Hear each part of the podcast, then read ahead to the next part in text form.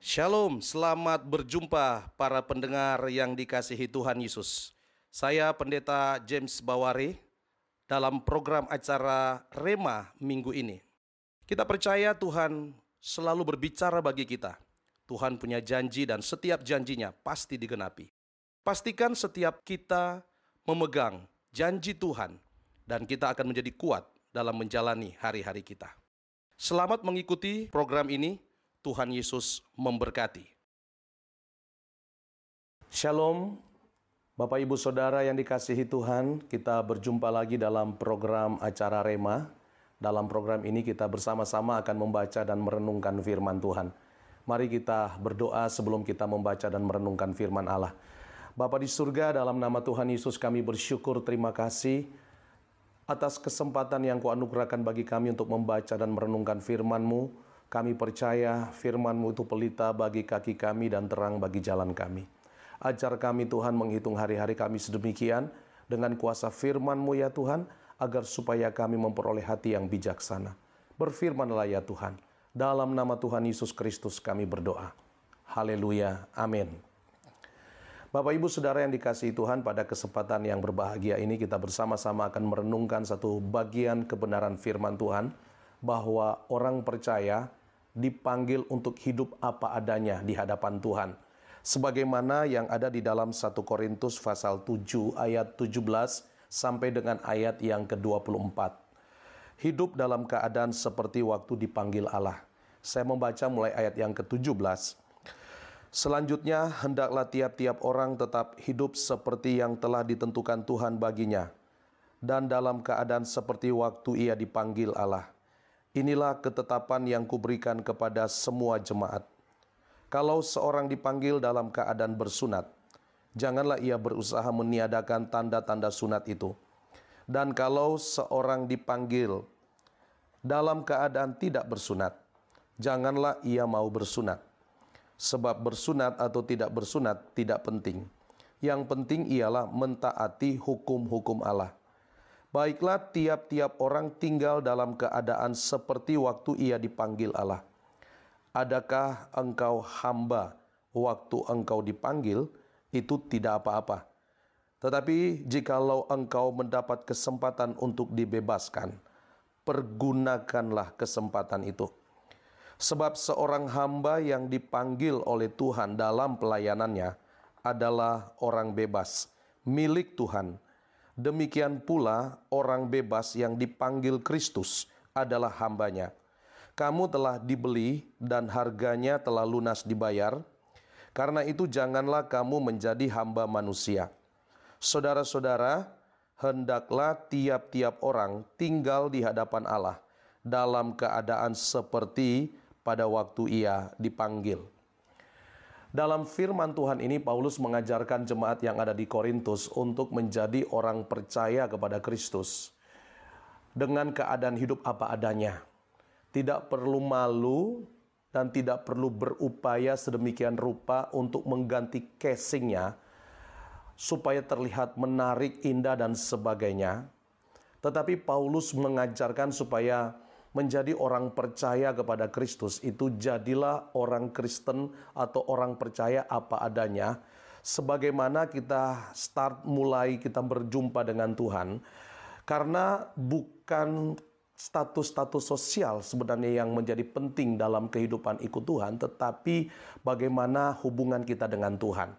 Nah, ada hal yang Paulus gambarkan atau tekankan dalam kebenaran firman Tuhan ini yang saya tangkap paling tidak ada tiga hal mendasar yang harus menjadi perhatian kita, menjadi orang percaya, yang harus menjadi fokus kehidupan kita, yang harus kita rawat, yang harus kita jaga, bahkan yang harus kita upayakan, kita usahakan untuk ditumbuhkan dan dikembangkan dalam kehidupan kita sebagai orang percaya. Boleh saya katakan, ketiga hal inilah yang akan kita renungkan bersama-sama menjadi hal yang penting untuk menjadi fokus kita untuk dikembangkan, ditumbuhkan, diperluas dalam kehidupan mengikut Tuhan. Ketiga hal itu apa, saudara?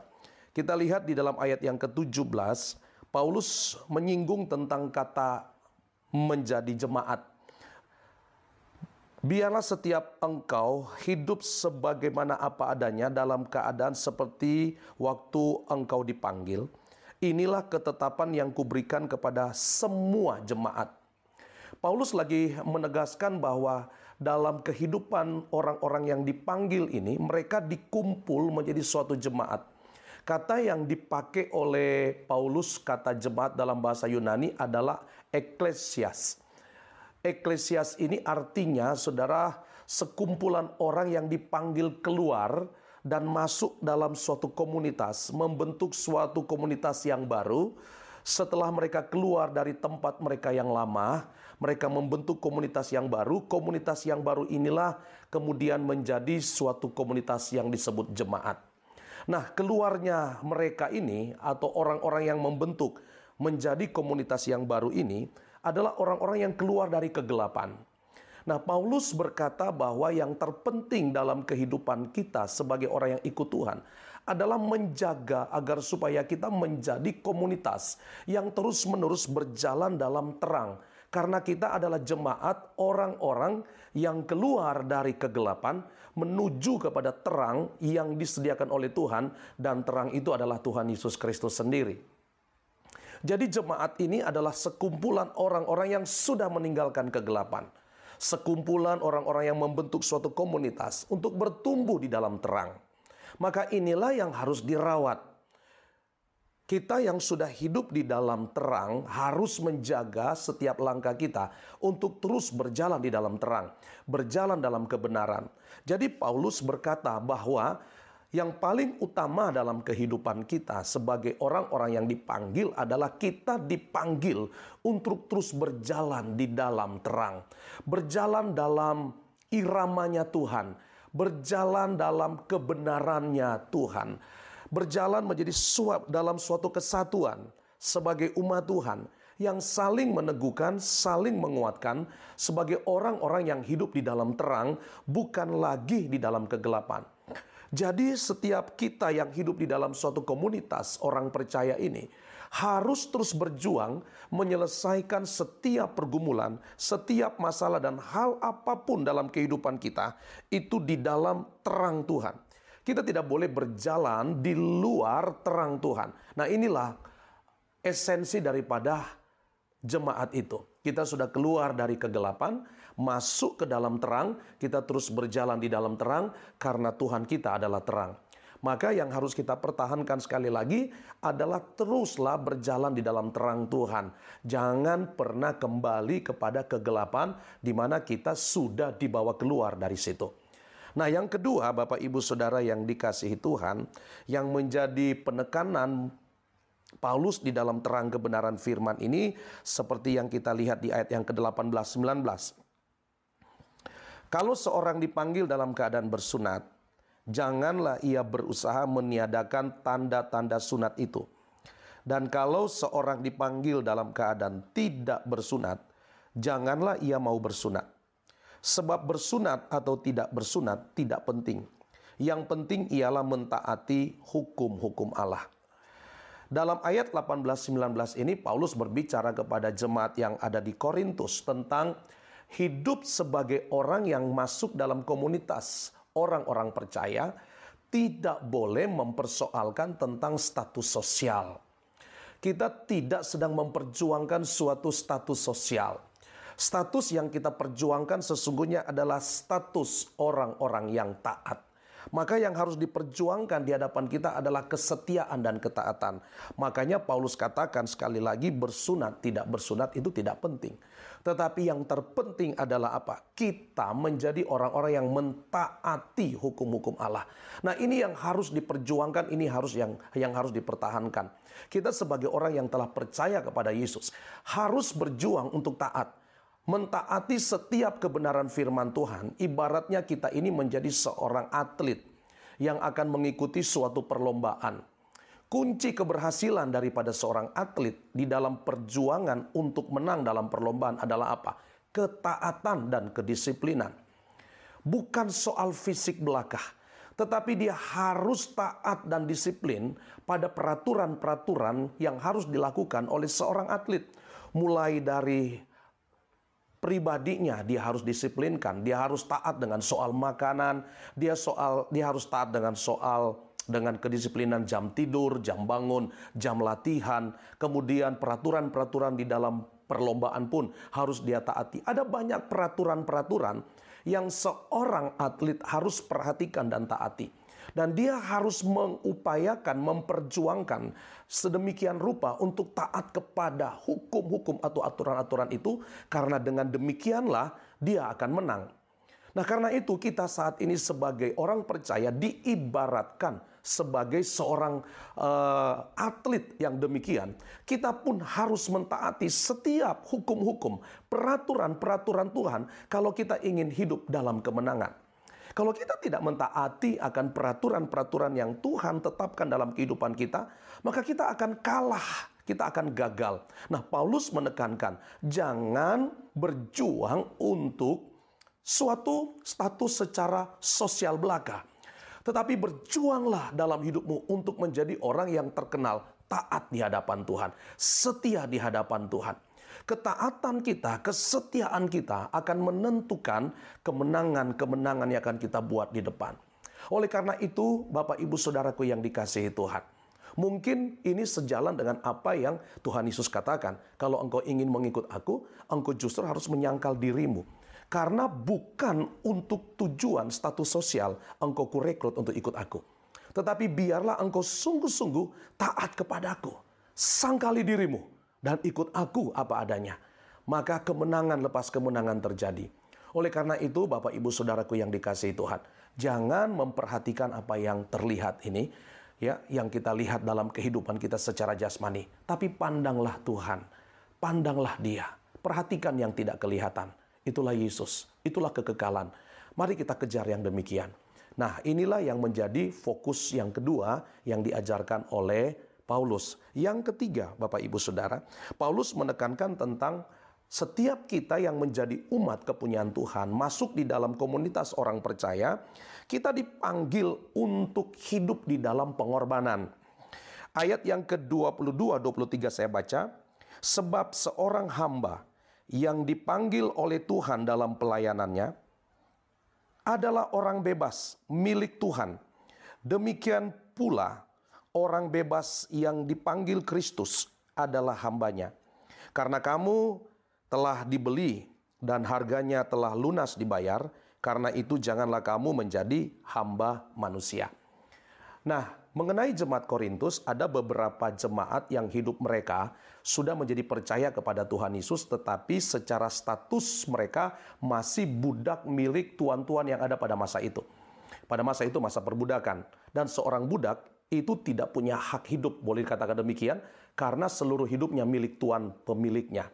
Apa saja yang diminta, disuruh untuk dilakukan oleh tuannya, si budak wajib dan harus melakukannya. Kalau tidak melakukannya, maka si budak ini bisa dibunuh. Nah, Bapak Ibu Saudaraku yang dikasih dalam Tuhan, mungkin saja si budak ini disuruh melakukan hal-hal yang tidak berkenan, yang tidak sesuai dengan panggilan orang percaya kepada Yesus. Maka Paulus katakan, sebagai orang yang telah dibeli dengan harga yang lunas oleh Tuhan Yesus, kamu adalah milik Kristus. Di dalam hal tugas pekerjaan sebagai budak di hadapan manusia, engkau melakukan tugasmu sebagai budak. Namun, pada saat ada hal-hal yang tidak berkenan di hati Tuhan, yang dimintakan oleh Tuhanmu di bumi ini, engkau harus lebih taat kepada Tuhan daripada taat kepada manusia. Sekalipun tentunya kita tahu konsekuensi penderitaan akan dialami. Nah, di sinilah Paulus ingin menekankan bahwa bagi kita yang ikut Tuhan, yang dipanggil untuk melayani Tuhan, yang dipanggil bersekutu dengan Tuhan, tidak hanya dipanggil untuk percaya, tapi dipanggil juga untuk menderita demi namanya. Inilah yang harus kita perjuangkan. Kita melatih hidup kita untuk mentaati Tuhan, untuk melakukan setiap bagian hidup kita, sekalipun kita harus berkorban apa saja dalam kehidupan kita untuk menyenangkan hati pemilik kita yang utama bahwa kita adalah milik Tuhan. Bapak Ibu Saudaraku yang dikasih dalam Tuhan, hidup ini memang adalah pilihan. Tapi saya mau katakan, pilihlah untuk menyenangkan hati Tuhan. Pilihlah untuk taat kepada Tuhan Yesus Kristus. Sekalipun mungkin penderitaan tantangan akan kita alami. Tapi saya percaya, Tuhan pasti sanggup untuk menolong kita, membawa kita keluar dari setiap pergumulan tantangan apa pun yang kita hadapi oleh karena kita setia untuk melayani Tuhan dan taat kepada Tuhan. Sekali lagi, Bapak Ibu Saudaraku yang dikasihi Tuhan. Lewat kebenaran firman ini kita belajar. Mari kita menjadi umat yang berjuang, tetap hidup dalam terang Tuhan. Karena kita telah dipanggil keluar dari gelap kepada terang. Mari kita menjadi umat Tuhan yang berjuang bukan untuk mengejar status sosial di dunia ini, tetapi kita memiliki status yang baru di hadapan Allah. Itulah orang-orang yang taat dan setia di hadapan Tuhan, melakukan hukum-hukum Tuhan. Yang ketiga, kita dipanggil untuk siap masuk di dalam pengorbanan-pengorbanan oleh karena ketaatan kepada Tuhan. Kita dipanggil bukan hanya untuk percaya kepada Kristus, tapi kita dipanggil untuk menderita demi namanya. Dan Tuhan pasti memberkati kehidupan kita semua. Biarlah kebenaran firman ini meneguhkan dan menguatkan kita. Tuhan Yesus pasti memberkati kita semua. Haleluya. Mari kita berdoa. Bapa di surga, terima kasih untuk kebenaran firman Allah yang kami terima pada saat ini. Kami simpan firman-Mu dalam hati kami. Dan biarlah firman ini terus bekerja dalam hidup kami. Supaya kami dalam hidup kami setiap hari memiliki hidup yang menghasilkan buah. Dan buah itu adalah buah yang manis untuk menyenangkan hati Tuhan. Berkati setiap rekan-rekan, Bapak, Ibu, Saudara kami yang menonton ini Tuhan. Yang mengikuti renungan ini. Berkati hidup mereka, berkati keluarga mereka, berkati pekerjaan mereka. Biarlah kuasamu Tuhan, urapanmu ya Tuhan, turun atas setiap umatmu yang sampai hari ini bertahan hidup di dalam kekudusan. Terpujilah Engkau Yesus Kristus Tuhan kami. Dalam nama Tuhan Yesus. Haleluya. Amin. Bapak Ibu Saudaraku yang dikasih dalam Tuhan, biarlah renungan pada saat ini memberkati kita semua.